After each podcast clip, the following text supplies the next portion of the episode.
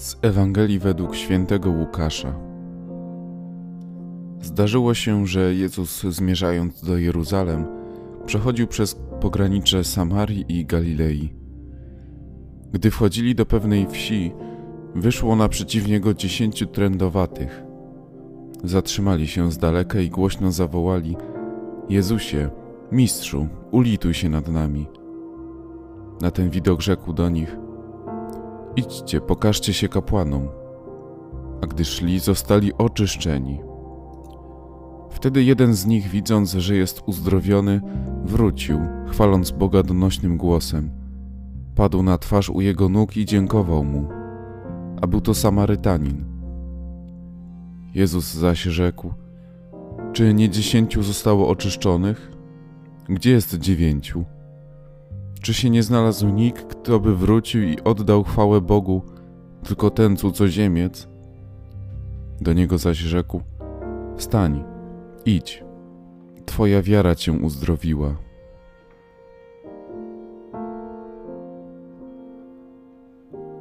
Myślę, że każdy z nas miał w swoim życiu pewien moment, który moglibyśmy nazwać kryzysowym. Jakiś dłuższy lub krótszy odcinek czasu, gdy znajdował się w sytuacji po ludzku bez wyjścia. Zupełnie normalnym i zrozumiałym jest to, że w takich chwilach zwracamy się do tych, którzy są od nas mocniejsi, silniejsi lub po prostu lepsi. A do kogo zwracamy się my jako osoby wierzące? Niech to będzie czas refleksji dla każdego z nas.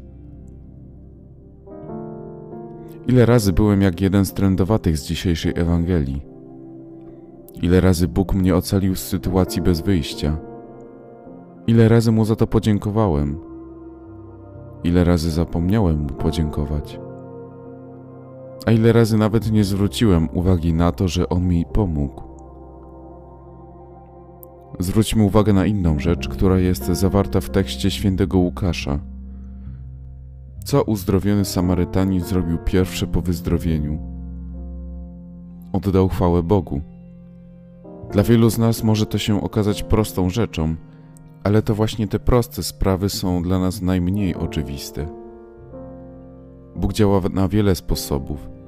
Czasem może to być myśl, która przyjdzie nam do głowy, czasami pomoc drugiej osoby, a czasami coś, co zwykliśmy nazywać przypadkiem. Są to takie małe cuda codzienności, które zapomnieliśmy dostrzegać.